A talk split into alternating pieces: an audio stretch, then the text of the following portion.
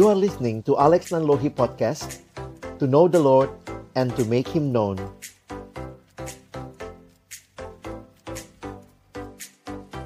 Mari kita berdoa sebelum kita membaca merenungkan firman Tuhan. Bapa di dalam surga kami bersyukur kepadamu untuk pesta rohani yang Tuhan berikan bagi kami. Terima kasih untuk anugerahmu yang sungguh besar mengasihi siswa-siswi di Indonesia ini Tuhan.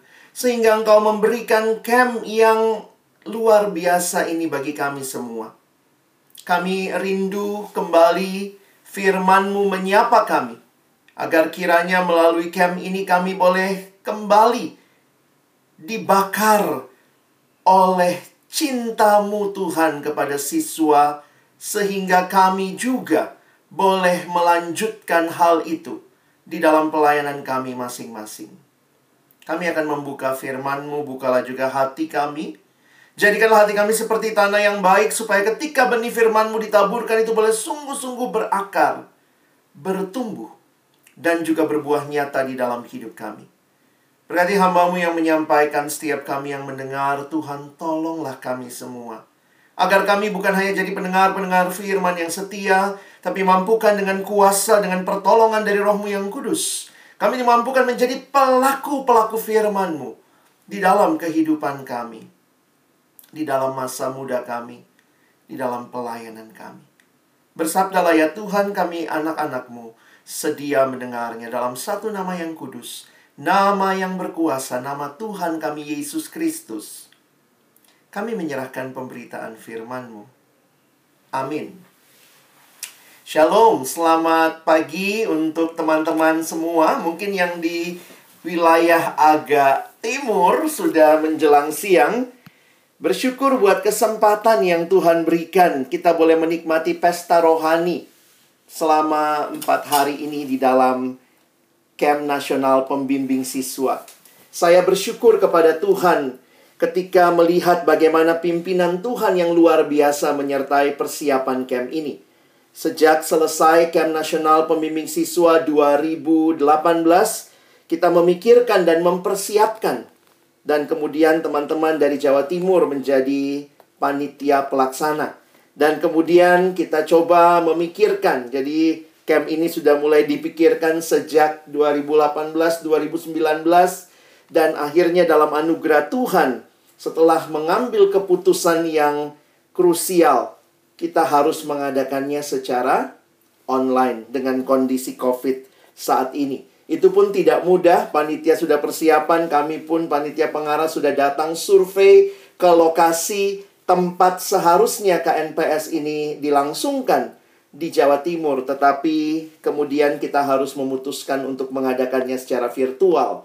Sekarang dari rumah masing-masing dari tempat kita, tetapi hal yang sama bahwa kehadiran Tuhan Itulah yang kita rindukan untuk kembali memberikan kepada kita semangat untuk melayani siswa di generasi ini.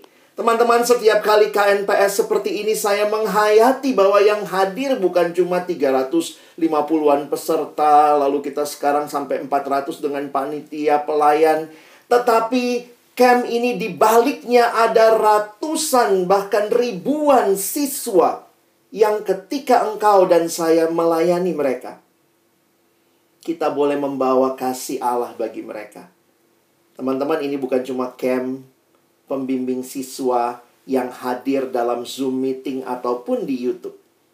Tetapi ini adalah cinta Tuhan yang besar untuk siswa di Indonesia dan untuk itulah Tuhan bangkitkan pembimbing-pembimbing siswa. Tuhan bangkitkan pelayan-pelayan siswa. Tuhan bangkitkan staf siswa. Untuk kemudian menjadi alat kasih karunia Tuhan. Memberkati siswa di bangsa ini. Karena itu, lihatlah camp ini dengan mata iman. Berdoalah. Kiranya terus Tuhan boleh menyatakan kehendaknya di sepanjang camp ini. Saya coba membagikan persiapan yang saya coba buat untuk kita dalam slide ini.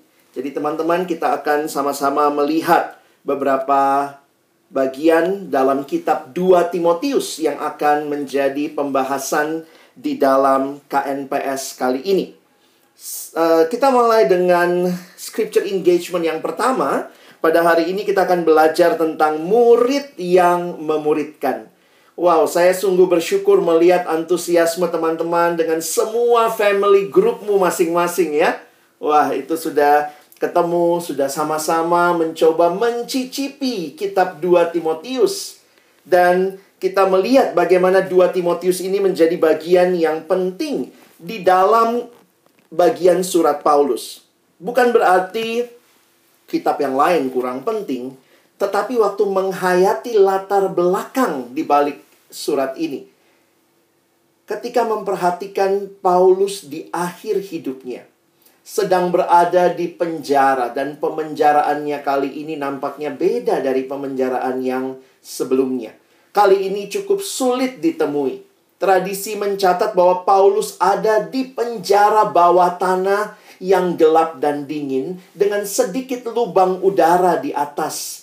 Dan inilah yang menjadi hal yang menarik untuk kita perhatikan dari penjara yang gelap dan dingin, sang rasul tua menuliskan pesan-pesan terakhir untuk anak rohaninya Timotius. Timotius yang digambarkan masih muda, walaupun paling tidak usianya sudah 30 tahun teman-teman ya. Karena pada masa itu biasanya orang-orang yang memimpin di dalam jemaat usianya itu 40-an. Makanya Timotius masih tergolong muda untuk standar waktu itu. Timotius pada waktu itu ada di sebuah situasi yang tidak mudah. Sedikit latar belakang kalau kalian coba gali, pada waktu itu sekitar ya, surat ini ditulis sekitar tahun 64 Masehi. Dan kemudian banyak yang mengatakan Paulus tidak lama meninggal sesudah menuliskan surat ini.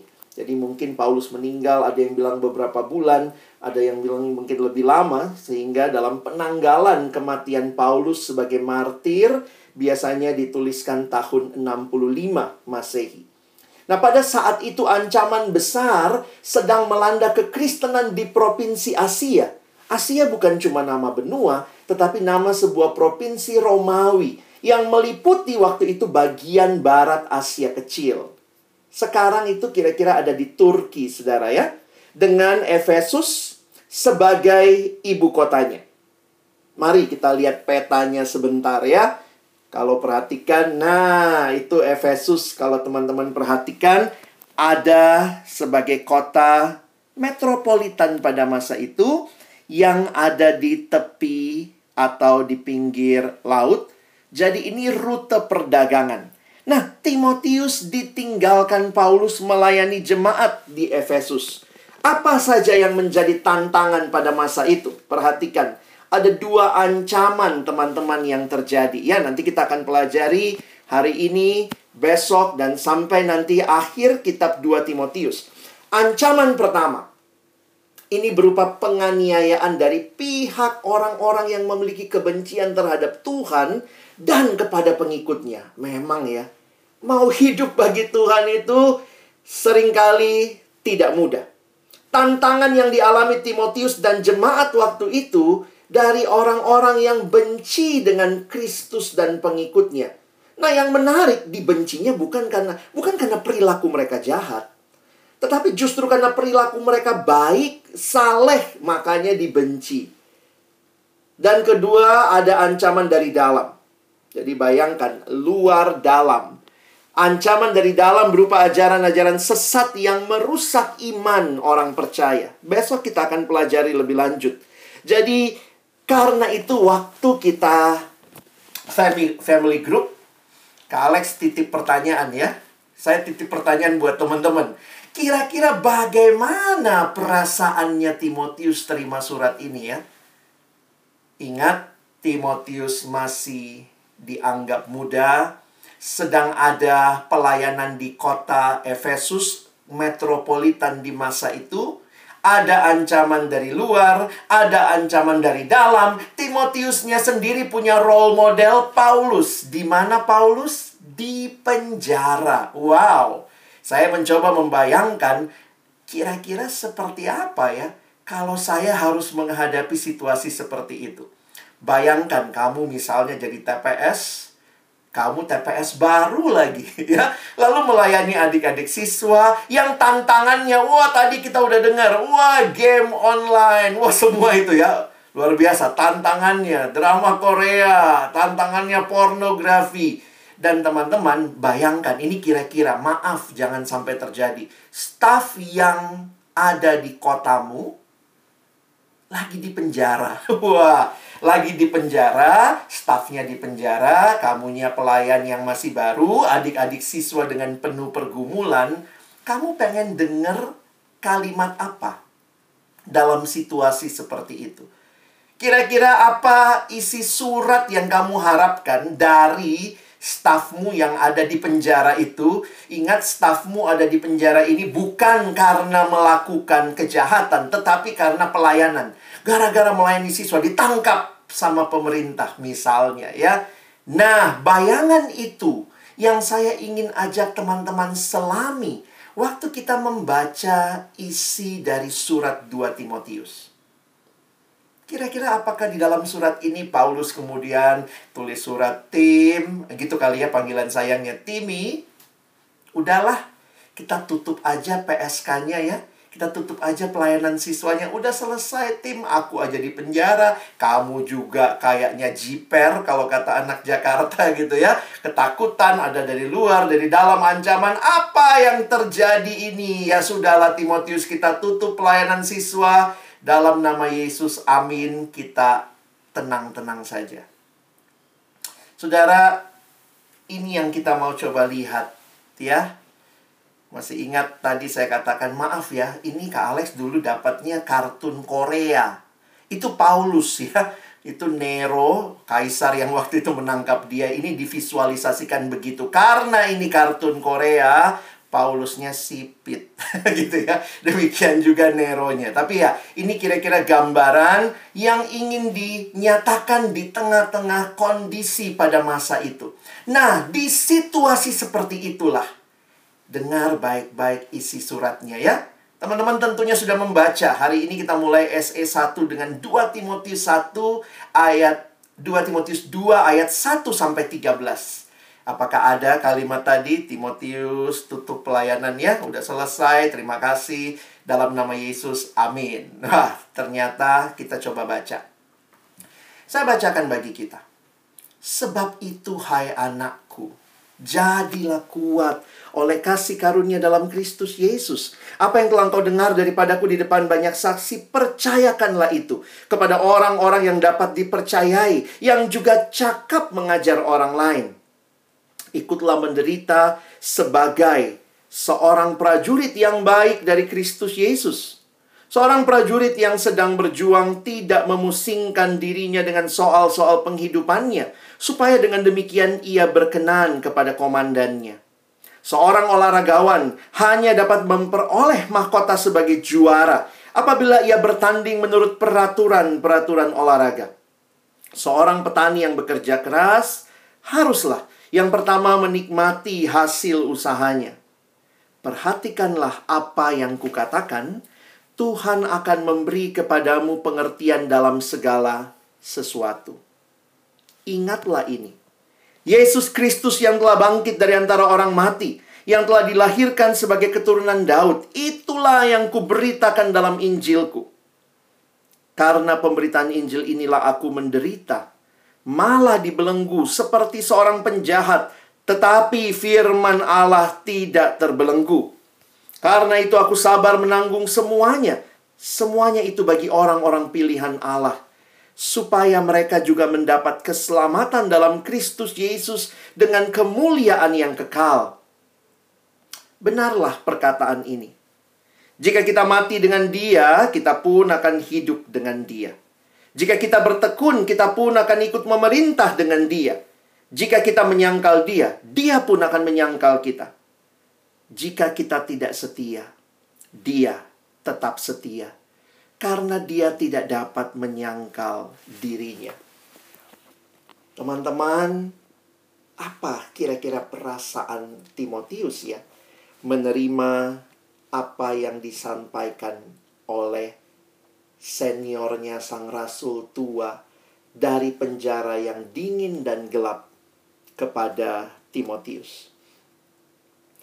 Tema kita hari ini dari ayat-ayat ini adalah murid yang memuridkan. Ada tiga hal yang sangat jelas bisa kita perhatikan. Nah, ini akan kita bahas sama-sama. Teman-teman, dalam buku acara semua sudah ada. Kalian bisa menulis, mengetik. Tapi anak sekarang mah kalau suka slide-nya di screenshot ya. Boleh juga sih. Nggak dosa juga ya. Silahkan kalau itu memberkatimu, kamu mau share. Karena saya pikir ini kesempatan. Dengan kita mendengar firman, kita pun berbagi. Dan kiranya ini menjadi peringatan buat kita. Ya, a reminder for us. Ada tiga hal yang ingin uh, Kak Alex bagikan pada hari ini bagi kita semua. Pertama ya, kita akan melihat perintah untuk dikuatkan oleh kasih karunia.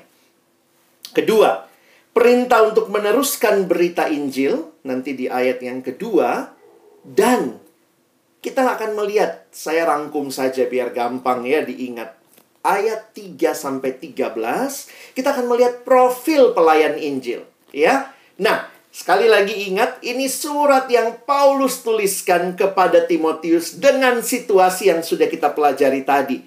Apa yang Paulus minta kepada Timotius? Tutup pelayanan? Enggak.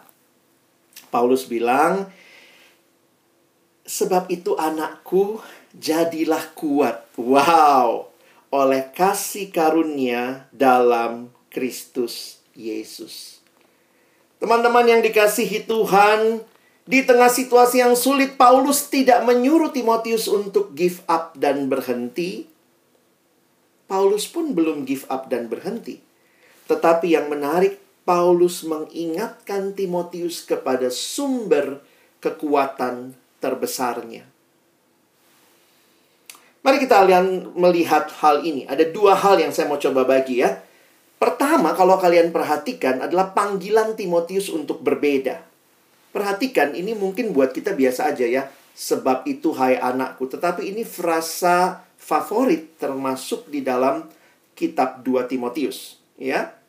Yang kedua, panggilan Timotius untuk mengandalkan kekuatan dari Allah.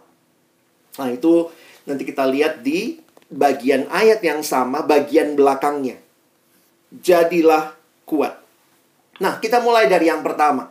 Apa yang menarik dari ayat pasal 2 ayat 1 ini? Panggilan Timotius untuk berbeda ini, kalau teman-teman perhatikan, di dalam terjemahan bahasa Inggris juga dipakai istilah you then my son.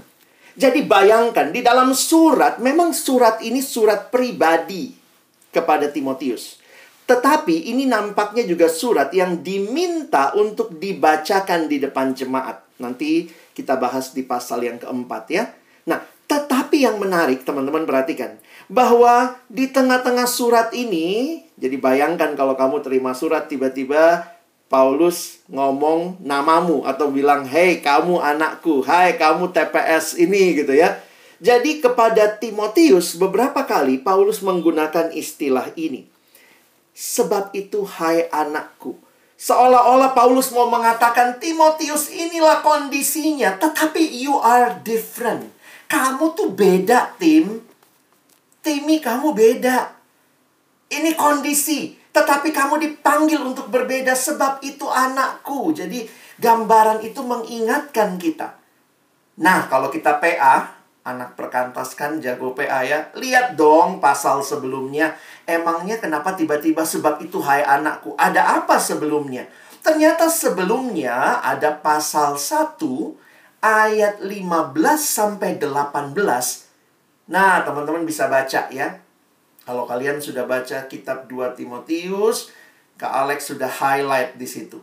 Ternyata sebelumnya ada orang-orang yang berpaling dari Paulus. Ada nama muncul, Figelus dan Hermogenes. Tetapi ternyata pada saat yang sama, memang ya, untuk hidup taat dalam Tuhan, ada aja yang gak suka sama kita. Ada aja yang berpaling, kata Paulus. Itulah Figelus dan Hermogenes. Tetapi pada saat yang sama, ada juga yang Tuhan kirimkan untuk menghibur Paulus, yaitu One Siforus. Dia menyegarkan hati Paulus. Dia cari Paulus loh. Masih ingat tadi Kak Alex cerita, ini sebenarnya kondisi penjara yang gelap dan dingin, sulit ditemui. Tetapi Onesiphorus waktu itu dia datang. Dari mana Onesiphorus berasal? Ah, ada di ayat 18 ya. Dia orang Efesus. Ternyata dia salah satu dari jemaat Efesus. Jadi Paulus bilang, waktu itu Onesiphorus cari aku loh dan dia menyegarkan hatiku. Di tengah-tengah situasi yang sulit ada orang-orang yang meninggalkan, ada orang-orang yang Tuhan kirim menyegarkan hati. Wah, itu sebenarnya jadi menarik ya. Tetapi kemudian pasal 2 ayat 1 sekali lagi Paulus berkata apa? Tetapi atau sebab itu hai anakku di tengah-tengah situasi yang terjadi karena kesetiaan Paulus memberitakan Injil. Ada yang meninggalkan, ada yang mencari, tetapi anakku, sebab itu anakku, kamu harus berbeda. Teman-teman, kenapa tadi uh, Kak Alex bilang ini sering muncul ya? Coba kalau kalian perhatikan, karena kita sedang SE, jadi kita coba teliti bagian Alkitabnya ini muncul di dalam kitab 2 Timotius, misalnya di pasal 3 ayat 10. Ini juga muncul. Ini bahkan lebih kuat pakai istilah tetapi engkau. Jadi sekali lagi, situasi luar biasa, mengerikan, begitu sulit. Tetapi engkau. You, however, my son. Nah, kira-kira gitu ya. Nanti muncul lagi di pasal 3 ayat 14 pasal 3 ayat 14, tetapi hendaklah engkau. Nah, nanti kita bahas ini di SE ketiga ya. Di tengah-tengah dunia kayak begini, tetapi engkau. Wah, ini jadi satu kekuatan buat kita bahwa dunia mungkin akan tetap begini, bahkan lebih jahat, lebih lebih mengerikan, lebih bakal lebih sulit, tetapi engkau. Nanti muncul lagi di pasal 4 ayat 5 ya. Tetapi kuasailah dirimu. Memang kalau saya sengaja mengutipkan bahasa Inggrisnya karena dalam bahasa Inggrisnya lebih jelas. Langsung you, but you. Tadi apa? But as for you. Ya, lalu tadi lagi you however. Kalau bahasa Indonesia karena memang masalah terjemahan kita harus melihat secara konteks ya. Kalau kalian ngerti bahasa Yunaninya ini bahkan lebih jelas ya. Tetapi engkau, engkau itu jelas. Jadi teman-teman yang dikasihi Tuhan, inilah situasi yang terjadi di tengah-tengah pelayanan yang sedang dilalui oleh Timotius. Tetapi engkau, engkau beda Timotius. Ini panggilan untuk berbeda. Tapi di sisi yang lain emangnya gampang hidup berbeda. Wah, ini juga yang Paulus sangat sadari. Karena itu lihat ayatnya ya, kita mesti lanjutkan. Kalau tadi sebab itu anakku itu untuk panggilan berbeda, lihat belakangnya sekarang. Jadilah kuat oleh kasih karunia dalam Kristus Yesus. Dari mana kekuatan itu? Kekuatan datang dari kasih karunia dalam Kristus Yesus. Teman-teman perhatikan, percaya sepenuhnya kepada Kristus, trusting completely in Christ and his power. Percaya sepenuhnya kepada Kristus dan kekuatannya. Dan bukan dengan kekuatan kita sendiri. Kita ki mau hidup bagi Kristus, tapi kalau pakai kekuatan sendiri, nggak bisa receive and utilize Christ's power. Terimalah dan pakai anugerah Tuhan, kekuatan dari Tuhan. Dia memberikan engkau kekuatan untuk melakukan pekerjaan yang dia berikan bagi kita. Teman-teman, ini beberapa perenungan uh, saya coba kutip. Kenapa saya sengaja dalam bahasa Inggris? Supaya kita juga belajar bahasa Inggris ya, tapi sisi yang lain supaya kita juga melihat beberapa kalimat lebih indah di dalam terjemahan bahasa Inggris aslinya. Kekuatan kita, ya saya coba terjemahkan. Kekuatan kita bukanlah karena sudah berapa lama kita jadi orang Kristen.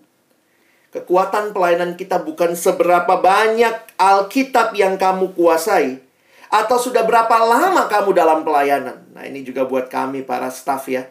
Kekuatan pelayanan kita bukan, wih, abang itu kalau khotbah luar biasa, kakak itu kalau MC luar biasa, aduh kakak itu kalau pimpin doa, uh, malaikat pun, nah, iblis bertobat gitu kali ya. Wah, itu luar biasa. Sehingga kadang-kadang orang melihat kekuatan dalam pelayanan pada diri sang pelayan. Pelayannya sudah cukup lama di pelayanan, dia tahu banyak ayat Alkitab. No, Our strength in this very moment is in the grace that is in Christ Jesus. Saya harap kita tidak lupa diri. Makin lama di pelayanan kita bisa makin merasa terampil, makin jago, makin bisa, makin ngerti strategi. Sehingga kadang-kadang kita lupa kekuatan utama datangnya dari anugerah kasih karunia dalam Kristus Yesus. Bagaimana mengalami ini? Ya, nikmati our strength is derived from our union. Kita perlu bersatu dengan Tuhan, punya kesatuan dengan Kristus dan lihat kalimat ini ya. Dan kita tuh kayak di charge setiap hari. Makanya kalau dalam pelayanan kita rasanya apa pun yang dihotbahkan jangan lupa hubungan pribadi dengan Tuhan. Jangan lupa pelihara waktu teduhmu, saat teduhmu, waktu doamu. Teman-teman itu bukan basa-basi rohani, itu kekuatan pelayanan kita. Karena itu kita harus serius dengan hal ini. Saya tidak tahu bagaimana ketika tadi kita dengar ya berjuang drakornya disingkirkan sebentar supaya bisa Bible reading ya Puji Tuhan minggu-minggu ini beberapa drakor stop dulu karena olimpiade. Katanya begitu ya. Wah raket boy berhenti dulu. Jadi akhirnya bisa persiapan KNPS deh gitu ya. Nah teman-teman saya tidak tahu apa yang sedang menghalangimu. Tetapi kekuatan pelayanan kita sekali lagi datang dari Kristus. Dan kalau kalian lihat terjemahannya. Nah ini mungkin kalau suka belajar teknis. Jadilah kuat. Saya waktu pelajari sebenarnya kalimat yang lebih tepat karena dalam bahasa aslinya, nah kata ini yang dipakai, endunamu, ya kata dinam, dinamit dari situ ya, kekuatan. Sebenarnya itu munculnya dalam bentuk present, pasif, imperatif, singular. Imperatif itu perintah. Jadi teman-teman ini perintah loh. Ya, coba lihat. Makanya Kak Alex kasih judul. Ini perintah. Perintahnya apa? Nah, ternyata perintahnya itu pasif. Jadi sebenarnya terjemahan yang lebih tepat begini. Dikuatkanlah engkau karena ini present maka dikuatkanlah engkau terus menerus. Ingat, bukan engkau yang menguatkan dirimu. Kita dikuatkan. Jadi kalau dikuatkan berarti kekuatannya bukan dari kita. Itu kan cara ngerti kalimatnya ya. Jadi bagaimana mengalami kekuatan itu waktu engkau menyerahkan dirimu setiap hari dikuatkan oleh firman Tuhan. Jadi di tengah situasi yang sulit, Paulus bilang bukan bilang Timotius keluar deh. Enggak, Paulus bilang Timotius jadilah kuat. Kenapa? Karena itu tersedia bagi kita di dalam kasih karunia Kristus. Makanya kalimat ini kutipan yang menarik ya. Philip Brooks, seorang teolog berkata, "Jangan berdoa meminta tugas-tugas yang setara dengan kekuatan Anda." Mintalah kekuatan yang setara dengan tugas-tugas Anda. Kadang-kadang kita gitu ya, maunya sih dapat tugas yang gampang ya. Tapi kiranya kita minta kekuatan. Tuhan memang betul pelayanan ini sulit. Bukan cuma sulit ya, kadang-kadang kita harus berkata ini terlalu besar. Sulit. Mungkin bahasa Inggrisnya sulit gitu ya, saking susahnya. Tetapi ada kekuatan dari Kristus. Jadi bagaimana engkau dan saya mau menjadi TPS, pelayan siswa, staff yang membuat perubahan? Kita kan pengennya gitu ya. Wah, ini generasi yang katanya milenial ingin make a difference. You want to make a difference? But not only a difference, make an eternal difference. Buatlah sebuah perbedaan yang kekal. Christian who make an eternal difference in this world are those who have learned to rely on God's strength, not their own. Orang-orang Kristen yang bisa membuat perubahan yang sifatnya kekal, yang berdampak kekal dalam dunia ini, adalah mereka yang terus-menerus belajar bergantung kepada kuasa Allah, bukan kepada kuasanya sendiri. Teman-teman, sulit pelayanan siswa, sulit. Saya mau bilang di sini deh, kalau nggak siap melayani siswa, mundur aja deh. Makin sulit, betul. Pakai online lagi sekarang. Tambah sulit. Tapi apa yang Paulus katakan? Paulus sederhana. Bertahan ya. Dan kekuatannya bukan dari kamu. Dari Tuhan. Dan itu akan membawa eternal difference. Perubahan yang kekal. Saya sungguh rindu siswa-siswi yang hidupnya dibaharui, dipenuhi oleh kasih Tuhan. Kenapa? Karena ada TPS, ada staff yang bergantung kepada Tuhan yang melayani mereka, yang merindukan bahwa ini sifatnya kekal. Ini bukan sekadar sebuah performance. Tapi ini adalah perubahan hidup karena berjumpa dengan Kristus. Oke, ini yang pertama ya. Perintah untuk dikuatkan oleh kasih karunia. Timotius beda, kamu beda. Karena itu kamu bergantung pada kasih karunia Allah. Yang kedua, teman-teman, perintah untuk meneruskan berita Injil. Nah, saya pikir ini yang paling pas dengan tema kita ya, murid yang memuridkan. Nah, perhatikan, kita lihat ayat 2 ya. Apa yang telah engkau dengar daripadaku di depan banyak saksi, percayakanlah itu kepada orang-orang yang dapat dipercayai, yang juga cakap mengajar orang lain. Wah, kayaknya TPS-TPS kita, staff ini pada hafal ayat ini ya. Gampang dihafalnya. Apa ayat multiplikasi? Apa ayat pelayanan regenerasi? Apa ayat yang harus terjadi supaya ada murid yang memuridkan? Gampang ingatnya. Dua, dua, dua. Dua Timotius 2 ayat 2. Nanti ada lagi ayatnya. Bagaimana caranya bertahan di tengah situasi sulit supaya tidak jatuh dalam dosa? Dua, dua, dua-dua. ya, nanti itu besok kita pelajari ya. 2 Timotius 2 ayat 22 ya. Nah, jangan buru-buru lihat ke situ ya. Nanti besok. Hari ini kita lihat dulu ayat penting. Ada satu literatur yang saya baca waktu persiapan dia berkata, "Gereja kosong hari ini. Gereja kehilangan ketika gereja tidak lagi fokus dengan dua dua dua ini." Benar teman-teman ya saya studi dulu, dapat kesempatan studi teologi di Eropa. Salah satu wisatanya apa? Pergi ke katedral, gitu ya. Itu wisata yang gratis di sana. Jadi masuklah kita ke katedral ya. Kemudian kita foto-foto di situ. Dan akhirnya saya melihat betapa sedihnya ya katedral yang begitu megah dan besar. Ketika yang dibangun hanya fisiknya, lupa dibangun muridnya, yang terjadi ini nih Besar sih katedralnya, isinya opa-oma, opung-opung, engkong emak ya yang udah tua begitu ya, kakek nenek. Yang mudanya ke mana? Bayangkan itu katedralnya bisa 200 bangku ke belakang. Yang terisi itu cuma dua bangku depan. Itu pun sebelah kiri. Waktu saya perhatikan betapa menyedihkannya. Ketika gereja kehilangan apa yang menjadi jati dirinya yang dipesankan di dalam firman Tuhan. Tuhan Yesus telah meneladankan ini. Tuhan Yesus tuh nggak tinggalin apa ya? Coba waktu Tuhan Yesus naik ke surga, dia tinggalin apa sih buat dunia ini? Tuhan Yesus nggak tinggalin sekretariat, ya. Eh, bukan berarti sekretariat nggak penting, teman-teman ya. Tapi Tuhan Yesus nggak tinggalkan sekretariat. Tuhan Yesus tidak tinggalkan deposito. Ini dana abadi, pakailah. Tuhan Yesus tidak tinggalkan fasilitas. Bahkan Tuhan Yesus tidak tinggalkan buku ya. Tuhan Yesus nggak tulis buku apa-apa. Tapi dia meninggalkan murid. Sebelas murid. Mari kita lihat sama-sama ayat ini ya. Apa yang telah engkau dengar daripadaku? Wow, menarik ya. Apa sih yang Timotius dengar dari Paulus? Teman-teman, waktu saya memperhatikan ini, saya jadi berpikir gini.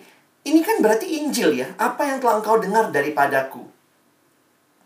Teman-teman, Injil itu bukan lagi sesuatu yang menjadi objek buat Paulus, tapi telah menjadi subjek.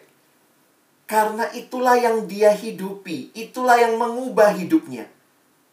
Berani nggak kita ngomong gini sama adik-adik kita ya? Kau mau tahu Injil? Nih, lihat hidupku. Apa yang kau dengar dari aku, itu yang dipercayakan. Jadi kalau orang nanya, yang mana Injil itu, Kak? Ya ini yang kau lihat dari hidupku. Injil yang menyatu dengan kehidupan, bukan sekedar Injil yang disampaikan, tetapi Injil yang mengubah hidup. Dan ini yang kita perhatikan. Istilah muncul, apa yang telah engkau dengar daripadaku, ini kan berita Injil ya. Nanti teman-teman bisa gali lagi. Berita Injil itu pada dasarnya apa yang Allah lakukan bagi kita manusia berdosa di dalam karya penebusan Yesus Kristus. Itu Injil. Ingat, Injil bukan apa yang kita lakukan, bukan. Makanya kita menghayati keselamatan itu anugerah, betul. Karena apa yang Allah lakukan bagi kita melalui karya penebusan Kristus. Di pasal 1 ayat 1, coba lihat ayat itu ya. Paulus berkata, dari Paulus, hamba Kristus Yesus, untuk memberitakan janji tentang hidup. Beberapa cara Paulus menggunakan istilah Injil, berita Injil dalam surat 2 Timotius. Dia bilang pertama, ini muncul di pasal 1 ayat 1. 2 Timotius 1 ayat 1. Janji tentang hidup. Wow, saya kalau membayangkan itu ya. Kalau ada orang nanya sama kamu, kamu jualannya apa? ya ini Kak Alex boleh cerita sedikit ya pengalaman dulu waktu saya pertama kali jadi staff teman-teman. Ya masih culun masih cungkring agak kurusan begitu ya. Beberapa kilo yang lalu. Jadi waktu saya jadi staff pertama teman-teman saya naik bus. Dan waktu itu saya ingat yang model itu ada tas ada tas kotak gitu ya yang ada gantungannya. Wah pokoknya model deh waktu itu ya. Kayaknya hampir semua staff kami punya tas kayak begitu jadi waktu itu saya pakai tas itu dan saya naik ke Metro Mini waktu itu saya ingat. Dan saya kaget waktu saya duduk di samping saya orang itu nanya ke saya. Karena saya pakai baju lengan panjang rapi karena mau khotbah kan mau pergi pelayanan naik bus. Teman-teman tahu dia nanya sama saya gini maaf pak uh, jualan apa ya? Mati dia. Dia pikir saya jualan kayak misalnya gitu ya dari rumah ke rumah door to door, jual parfum, jual apa. Jadi waktu itu dia tanya sama saya dengan polosnya, e, Pak, dia nunjuk tas saya kan karena waktu saya duduk saya kan mangkut tas gitu ya. Dia tanya, Pak, jual apa? Teman-teman sempat malu saya ya. Waktu itu malu gitu ya. Waduh, aku nggak jualan kan.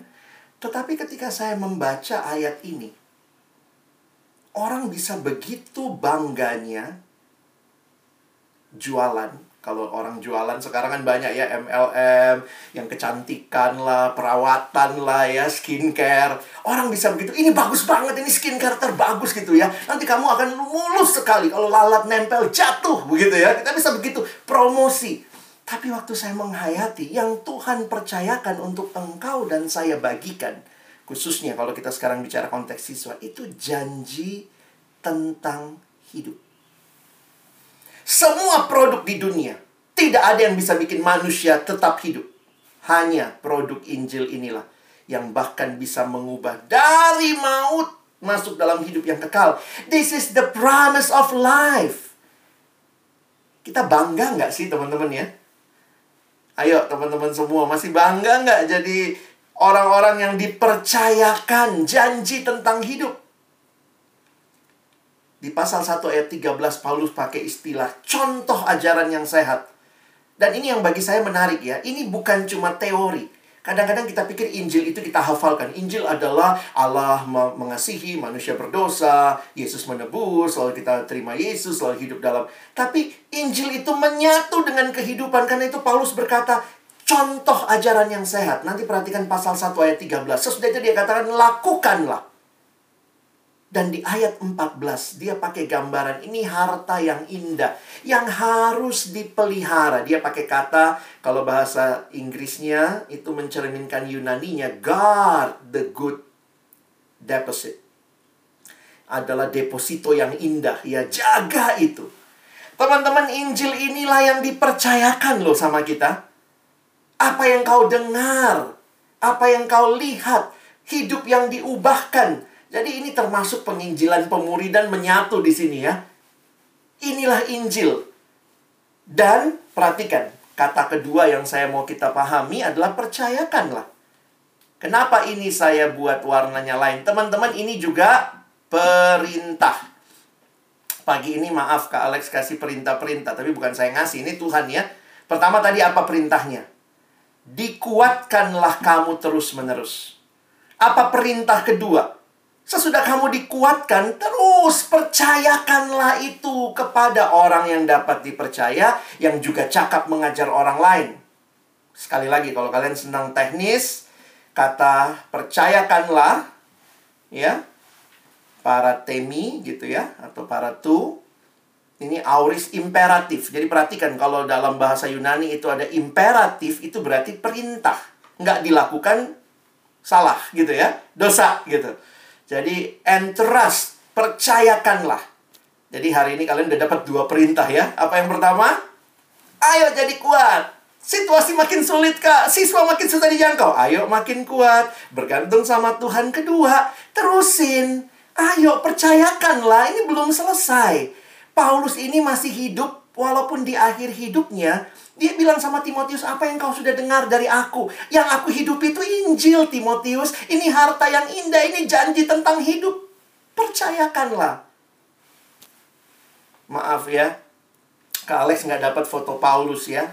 Tapi ini kira-kira Paulus ya. Bayangkan ayat yang singkat 2 Timotius 2 ayat 2 tetapi di dalam ayat yang singkat ini Paulus melihat empat generasi Pertama Paulus ya. Maaf saya juga nggak ketemu foto Timotius yang terakhir. ini Timotius ya.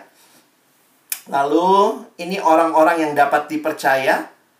Orang-orang yang cakap mengajar dan dikatakan untuk mengajar orang lain. Ini pemimpin sejati. Pemimpin yang di dalam pikirannya bukan cuma generasi TPS ku luar biasa. Hebatkan kami, kami TPS luar biasa loh. Tapi hanya di generasi ini. Paling kamu, anak KTB-mu, selesai Thank you, selesai. No. Pemimpin yang bisa melihat bahwa di balik orang-orang yang akan dia invest hidupnya, ada lagi orang-orang yang akan kemudian memuridkan dan terus memuridkan. Di sinilah proyek kasih karunia teman-teman ya. Kita tuh nggak nggak gampang lah liatnya. Karena itu tadi Kak Alex bilang dari awal, kita butuh kacamata iman. Siapa yang masih kenal PKK-nya? Pemimpin KTB-nya? Ya kenal lah ya. Iya dong. Ya, masa nggak kenal? Murtad kamu ya. Pasti kenal lah pemimpin KTB-nya. Tapi saya mau tanya, siapa yang kenal pemimpin KTB-mu punya pemimpin? Hmm? Ada yang masih kenal? Oh ada, ini si kakak staff itu tuh. Siapa yang masih kenal kakak KTB-mu punya kakak KTB, punya kakak KTB? ya, nah itu udah mulai bingung nih. Ada yang mungkin bahkan nggak tahu siapa ya. Siapa yang kenal kakak KTB-nya punya kakak KTB, punya kakak KTB, punya kakak KTB-nya lagi gitu. Wow. Jadi teman-teman, waktu saya mempersiapkan ini, saya tiba-tiba diem dan tertegun begini ya. Saya ini ada karena karena ya pasti karena Tuhan ya. Tapi karena ada siapa lagi? Kemarin saya ingat-ingat ada tiga orang ya yang Tuhan pakai dalam hidup yang memuridkan saya di siswa, Lalu waktu saya pindah kota memuridkan saya di mahasiswa dan ada satu orang lagi yang Tuhan pakai membimbing saya ber-PA. Saya ingat tuh tiga orang ini yang akhirnya waktu kemarin saya persiapan ya, saya nanya gini ya. Saya nanya gini, teman-teman uh, nanti kita akan bicara Timotiusku kan. Tapi kemudian saya jadi mikir gitu ya, who is my Paul? Siapa Paulusmu? Siapa pemimpin KTB-mu? Siapakah pemimpin KTB-mu punya pemimpin KTB? Ya udahlah, itu kejauhan ya. Tapi yang bisa kamu cari adalah siapa pemimpin KTB-mu dan pernahkah engkau bersyukur? Pernahkah engkau sejenak bersyukur? Terima kasih ya kak, waktu itu menjawab dengan taat jadi pemimpin KTB. Kalau seandainya, ini dalam bahasa manusia ya, kalau seandainya kakak nggak taat, nggak ada saya hari ini. Mari sejenak bersyukur untuk mereka. Bersyukur untuk ketaatan mereka menjawab panggilan Allah untuk memuridkan engkau. Makanya kalau sekarang Tuhan panggil, ayo memuridkan lagi. Ayo lanjutkan pelayanan yang sulit ini. Teman-teman saya hanya ingin mengingatkan kita bahwa ingat loh. Engkau dan saya ada karena ada orang yang taat sama panggilan Tuhan. Kalau sempat nanti saya thank you ya Mungkin kamu bisa tag di Instagram atau kamu bisa WA pribadi. Makasih Kak, makasih Bang untuk ketaatanmu menjawab panggilan Allah. Memuridkan aku yang bandel ini, gitu ya.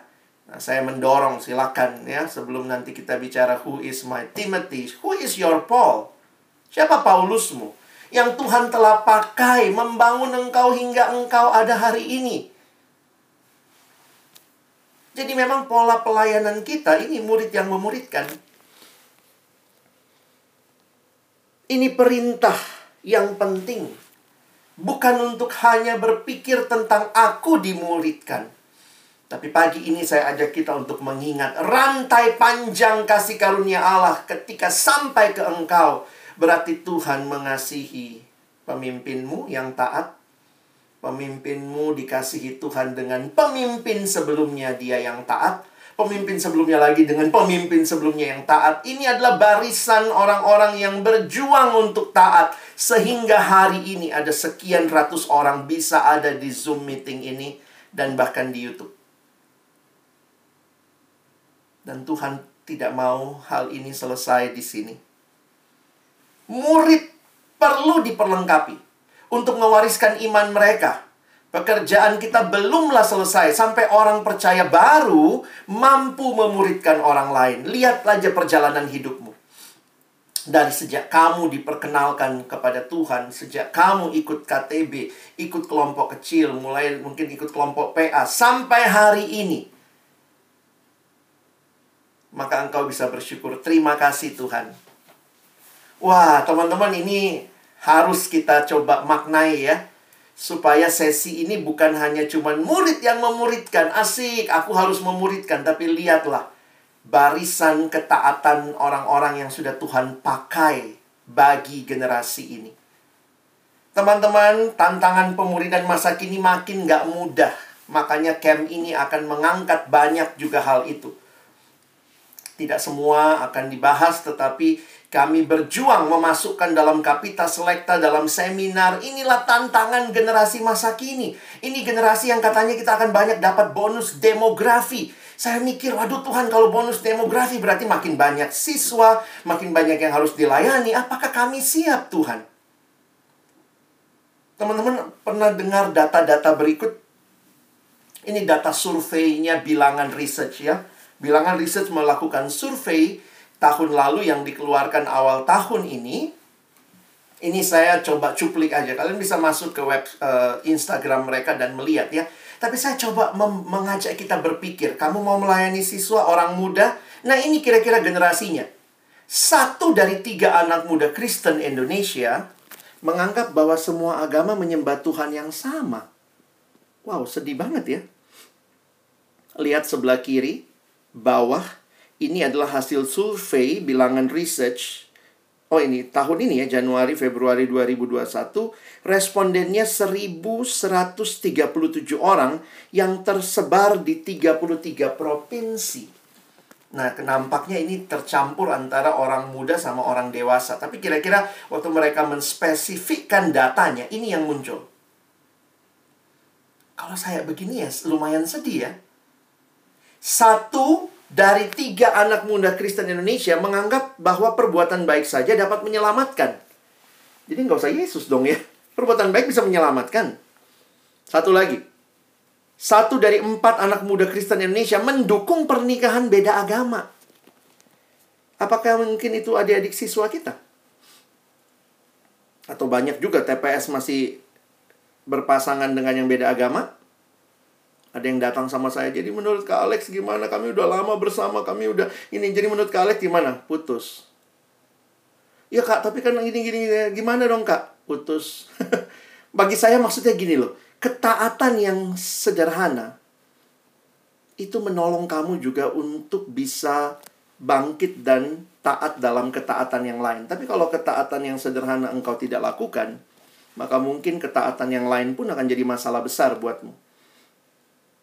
Nah, ini orang Kristen umum. Kalau tadi anak muda, ini orang Kristen umum. Satu dari dua orang Kristen Indonesia tidak aktif memberitakan Injil kepada orang lain dalam tiga bulan terakhir.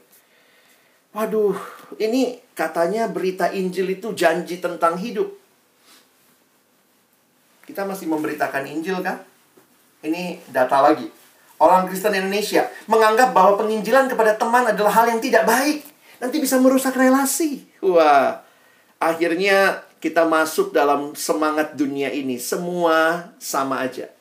Waktu ada yang bilang, semua agama kan sama, Kak. Saya bilang, kalau gitu, kamu jadi agama sana aja. Eh, nggak mau lah, Kak. Kenapa? Loh, kan katamu sama aja.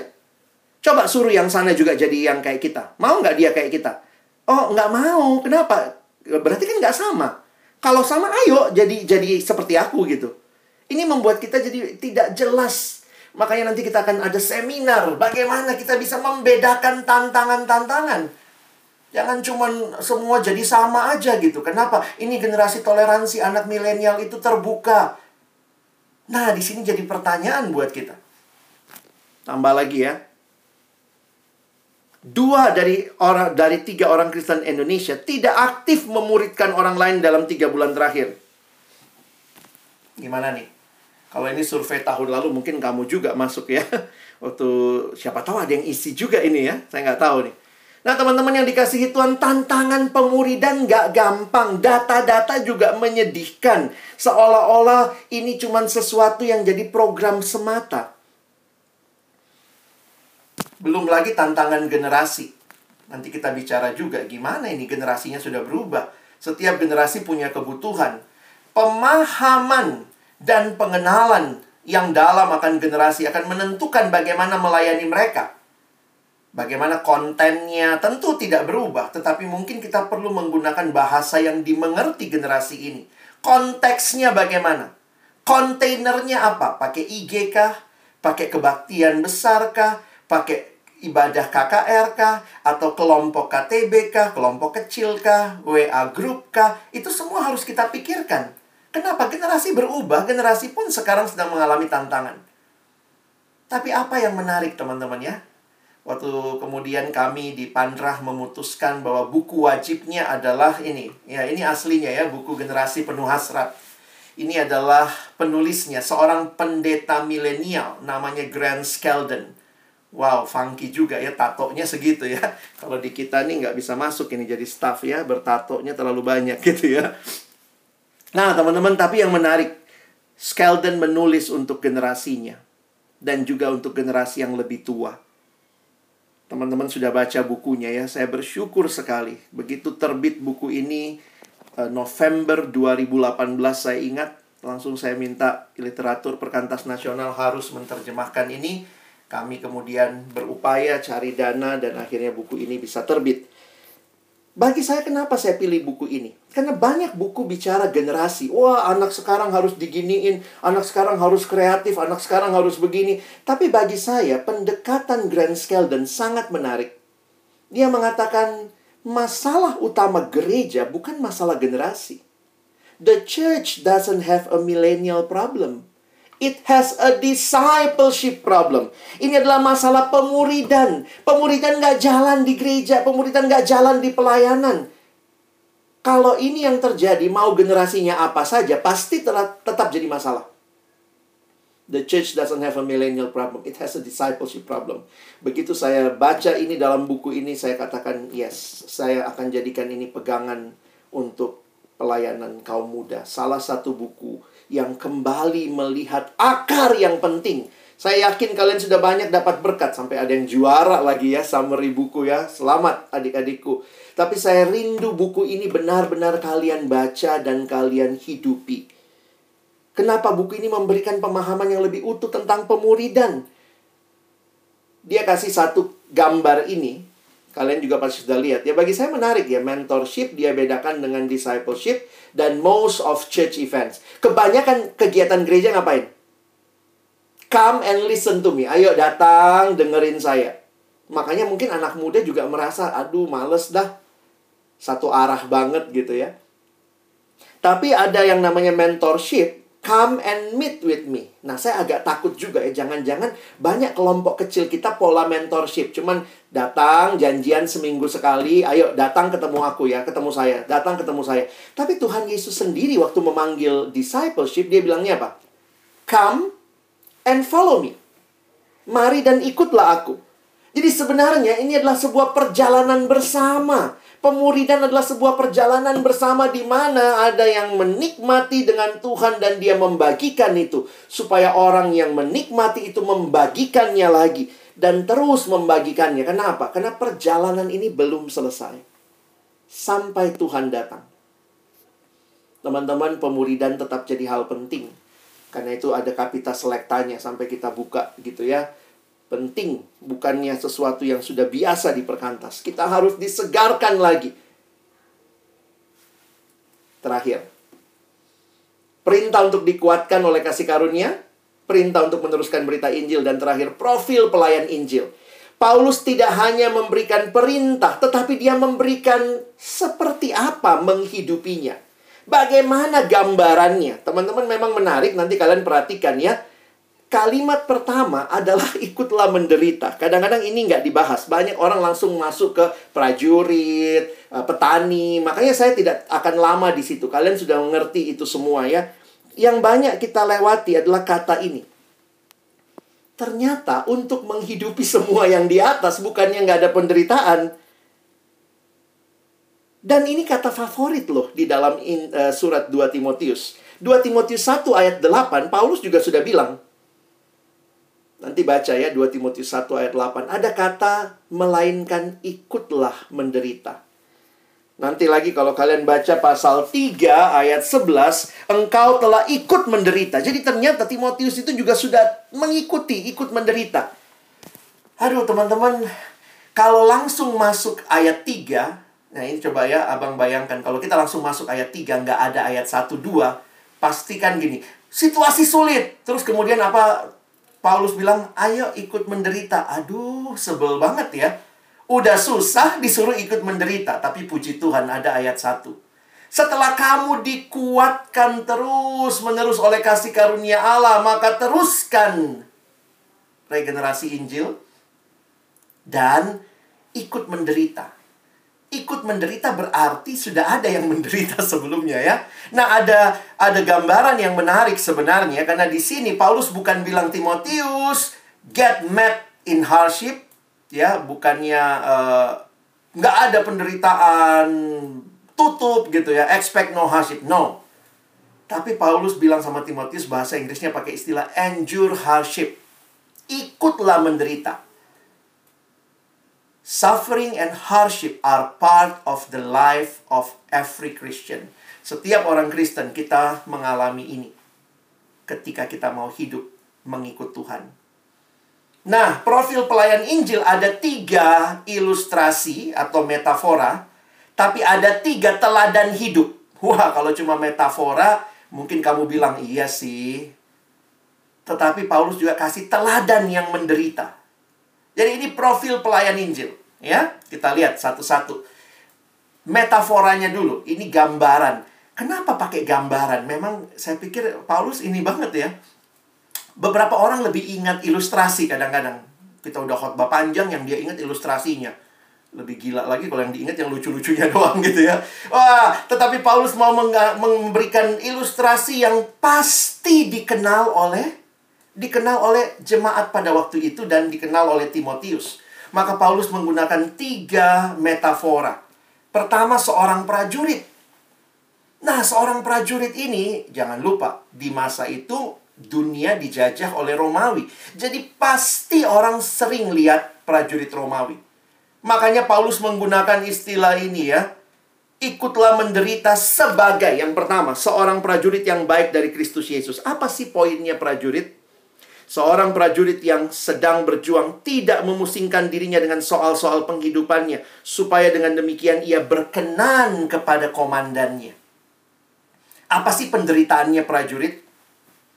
Mungkin hal-hal yang dia suka, dia harus katakan, "Saya kesampingkan supaya saya menyukakan komandan saya." Dan dia tidak dis disukakan oleh hal-hal sepele ya misalnya ini lagi mau perang nih udah diperang terus tiba-tiba lihat ih mendung eh, dan pulang dulu dan angkat jemuran maaf belum diangkat nggak bisa teman-teman dia harus punya ambisi yang kudus Teman-temanku, mari kita punya ambisi yang kudus seperti seorang prajurit. Ini bagian penderitaan. Mengatakan tidak kepada ambisi kita dan mengatakan ya kepada ambisi yang dari Tuhan. Ada yang saat ini mungkin harus berkata, saya tolak dulu keinginan-keinginanku. Tapi supaya saya menyenangkan Tuhan. Ini penderitaannya prajurit. Karena ini kan semua metafora penderitaan ya Apalagi olahragawan. Olahragawan itu menderitanya apa? Kita waktu dilihat kemarin, wah menang emas Indonesia ganda putri di Olimpiade. Wah satu Indonesia bersorak-sorai ya. Kita bilang kita menang, kita menang. Padahal kamu nggak ikut tanding. Itulah ya uniknya. Kita merasa terwakili, tapi jangan lupa. Olahragawan itu telah melewati proses yang tidak mudah. Disiplin yang panjang Disiplin yang panjang membuahkan hasil dan bahkan waktu dia berolahraga dia harus mengikuti peraturan olahraga. Jadi itu sebenarnya penderitaan juga ya. Pengennya kayak kemarin juga akhirnya harus ditunggu dulu bolanya masuk atau keluar gitu harus lihat. Kenapa? Ada aturannya. Olahraga tuh ada aturannya. Disiplin itu jadi begini teman-teman kadang-kadang kita merasa gampang aja gitu ya. Wah, dia punya kekuatan atlet itu kan biasanya kuat, dia punya kecepatan, tetapi nggak cukup. Disiplin juga harus ada dengan dia ikuti pertandingan olahraga. Teman-teman kita juga harus punya disiplin. Dan yang menarik, disiplin ini datangnya dari firman dari yang kita sampaikan. Menarik ya. Injil bukan hanya apa yang disampaikan, tetapi apa yang menjaga hidup. Demikian juga olahragawan. Nah, pengorbanan yang terakhir ini pengorbanannya petani. Kerja keras, dipakai kata kopiau. Petani yang bekerja keras haruslah yang pertama menikmati hasil kerja kerasnya. Jadi dia punya kerja keras, teman-teman. Nggak ada orang mau makan nasi kuning hari ini tanam padi, besok masak nasi kuning. Nggak ada. Itu beli dia harus setia menjaga, menyiangi dan segala macam. Kerja keras. Teman-teman jangan jadi TPS staff yang melempem. Nggak mau kerja keras. Maunya duduk-duduk hasil banyak. Wow, saya pikir jangan mimpi ya. Jadi pertanyaannya begini. Bagaimana perjuanganmu sebagai seorang murid yang memuridkan sahabatku? Punyakah engkau ambisi kudus yang berarti mematikan ambisimu? Punyakah engkau disiplin yang berarti penderitaanmu mungkin adalah mengikuti peraturan? Saya harus setia saat teduh, saya harus setia berdoa. Jadi jangan cuma bilang, wah hebat ya. Tapi itu terjadi karena proses yang panjang. Dan saya bisa menikmati hasil hanya ketika ada kerja keras. Paulus berhenti sampai sini, tapi kemudian dia kasih kalimat berikutnya ya. Perhatikanlah apa yang kukatakan. Bahasa Inggrisnya menggunakan istilah reflect, refleksikan. Saya menuliskan setelah menyajikan ketiga perumpamaan yang luar biasa. Paulus minta Timotius untuk perhatikan apa yang dikatakannya. Tim, perhatikan apa yang aku katakan Timotius. Refleksikan. Jadi teman-teman ini jadi menarik ya kehidupan rohani itu satu sisi sumbernya Tuhan, tetapi ada bagian kita. Nah, ini kombinasi yang menarik. Nah, kita lihat ya. Di sinilah, kalau saya tulis, kita melihat adanya kesatuan yang indah antara kasih karunia Allah dengan tanggapan kita. Bagaimana hal ini bekerja? Teman-teman harus ambil waktu untuk membaca, merenungkan firman Tuhan. Lalu Allah akan kerjakan bagiannya. Jadi jangan minta Tuhan, Berikan aku pengertian yang mendalam, tapi nggak mau baca Alkitab, nggak mau Bible reading, nggak mau saat teduh, nggak mau baca buku rohani. Dari mana datangnya? Kadang-kadang seperti kita gitu ya, aduh kak, besok ujian, pengennya rebus buku ini, minum airnya. Kita pikir begitu ya. Ini generasi yang instan. Generasi yang empang, maunya enak dan gampang. Pengennya juga kerohanian yang empang, enak dan gampang. Ada yang datang sama saya, Kak Alex, gimana caranya? Caranya apa? Anak siswa biasa ya. Kak, saya nggak tahu Tuhan mau apa dalam hidup saya ke depan. Saya nggak tahu Tuhan mau saya pilih jurusan mana. Saya nggak tahu Tuhan mau apa buat saya. Uh, terus ngomongnya Tuhan, Tuhan, Tuhan. Hebat banget ya. Kelas 12 soalnya. Terus saya bilang, iya dek ya. Eh, kamu rajin baca Alkitab nggak? Nah itulah kak masalahnya. Saya tuh sibuk banget kak. Saya kursus les ini itu. Oh gitu. Mau tahu kehendak Tuhan tapi nggak kasih waktu baca firman Tuhan. Mau tahu dari mana? Hai teman-teman TPS, staff. Jangan-jangan itu bukan cuma siswa. Kita juga maunya begitu ya. Gimana nggak usah PA tapi mengerti dalam gitu. Ini generasi ekonomis ya. Bagaimana membaca Alkitab sesedikit-sedikitnya, mengerti sebanyak-banyaknya. Emangnya bisa?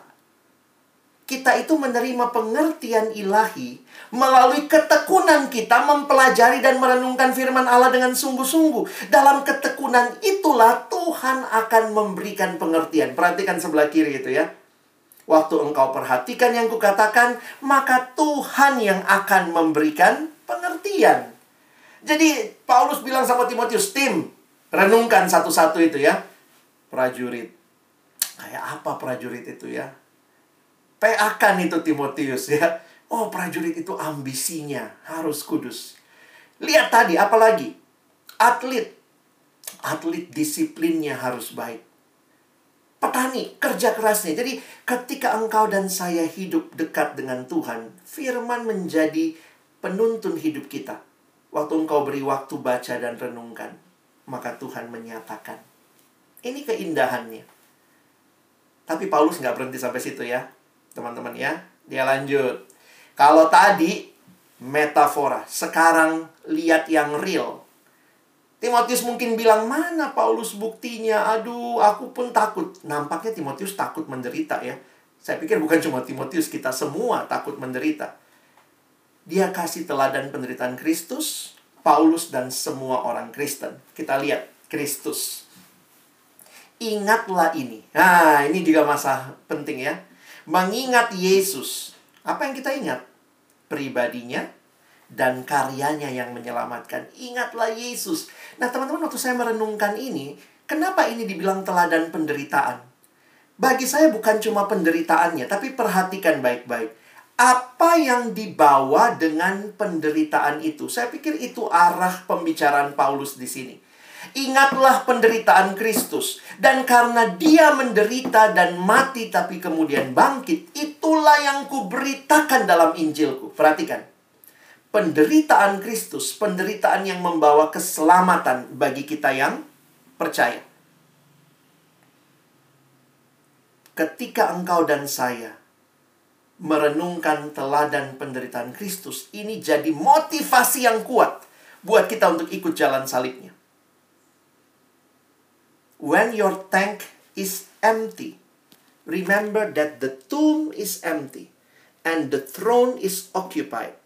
Waktu tangki rohanimu kosong, ingatlah kubur yang kosong itu, tapi ingatlah juga tahta di mana saat ini dia bertahta, Kristus Sang Raja dan itu menjadi motivasi yang cukup bagi kamu untuk melanjutkan kehidupan. Yesus menderita, yes. Bukan hanya Yesus, Paulus juga bilang, aku pun menderita, ayat 9.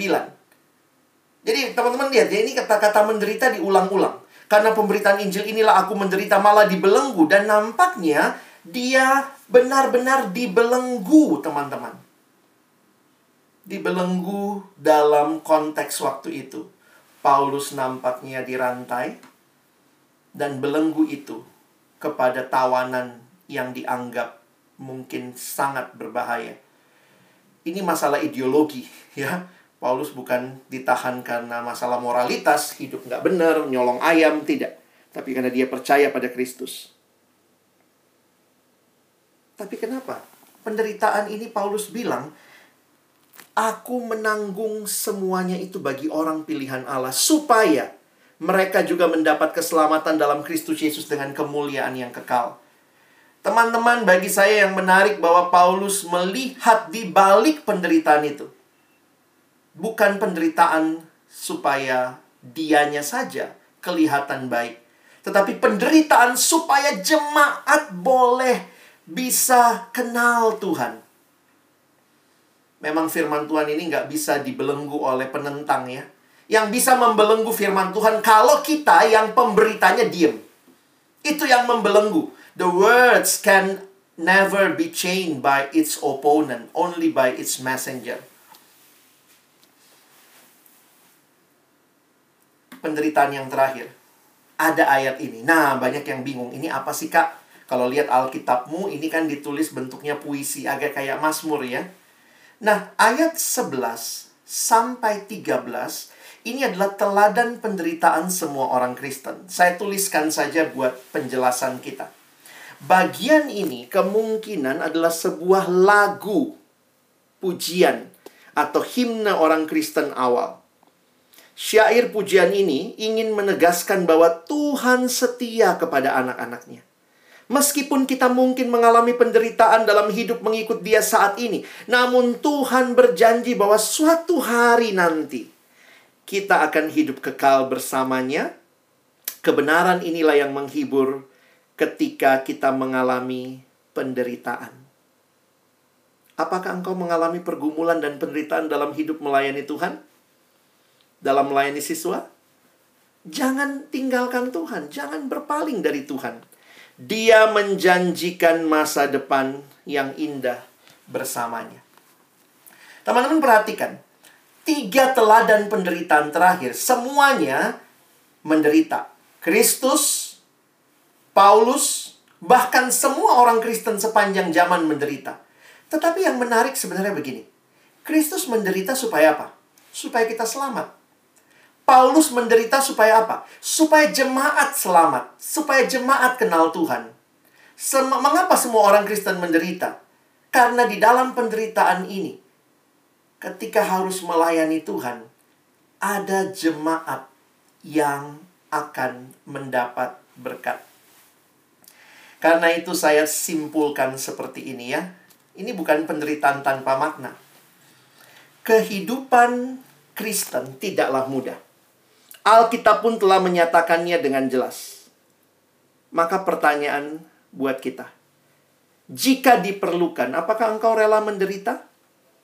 Rela kehilangan hal-hal yang engkau sukai demi orang lain dapat mendengar tentang Yesus dan bertumbuh dalam iman mereka. Tanyakan ini buat hidupmu. Yesus menderita bukan demi penderitaan, tapi demi engkau dan saya selamat. Paulus menderita bukan demi penderitaan, tapi supaya jemaat Efesus dan yang dia layani kenal Tuhan. Tuhan sedang memanggil kita. Ayo jadi murid yang memuridkan. Apa yang harus engkau rela tinggalkan? Rela kehilangan? Tadi kita sudah dengar teman kita. Ada yang masalahnya bagi waktu, ada yang masalahnya distraksi media sosial, harus uninstall dulu Mungkin untuk melayani adik-adikmu biar persiapan KTB lebih baik, mungkin tunda nonton bola, tunda nonton anim, nonton drakor. Bukan berarti nggak boleh nonton, tetapi ada hal-hal yang demi saya bisa lebih efektif melayani Tuhan dan sesama.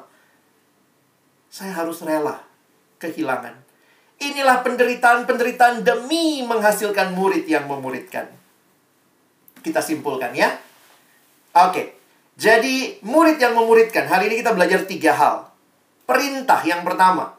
Untuk dikuatkan oleh kasih karunia. Apa perintahnya? Jadilah kuat. Perintah untuk meneruskan berita Injil. Apa perintahnya? Percayakanlah terus. Dan profil pelayan Injil. Pelayan yang siap menderita. Dengan ambisi yang suci. Dengan disiplin yang tinggi dengan kerja keras yang maksimal supaya lahir generasi yang kemudian mengenal siapa Allahnya. Jadi gimana kira-kira perasaan Timotius ya? Kalau kamu Timotius dapat surat ini, ya Paulus maunya berhenti dong pelayanan. Oh, Paulus bilang tidak Timotius. Kasih karunia Allah. Itulah yang memampukan kita untuk menjalankan tugas penting menjadi murid, kita terus harus jadi murid yang kembali memuridkan. Sejarah telah mencatat, abang tidak punya waktu bahas semua ya. Lihat tokoh gereja masa lalu, masa kini. Kadang-kadang nggak usah yang jauh-jauh ya. Lihat kakak KTB-mu, mungkin lihat kakak stafmu yang berjuang. Dan penderitaan itu bukan cuma sesuatu yang terjadi, tapi kalimat Filipi 1 ayat 29 Sebab kepada kamu dikaruniakan bukan saja untuk percaya, kepada Kristus, melainkan juga untuk menderita untuk Dia.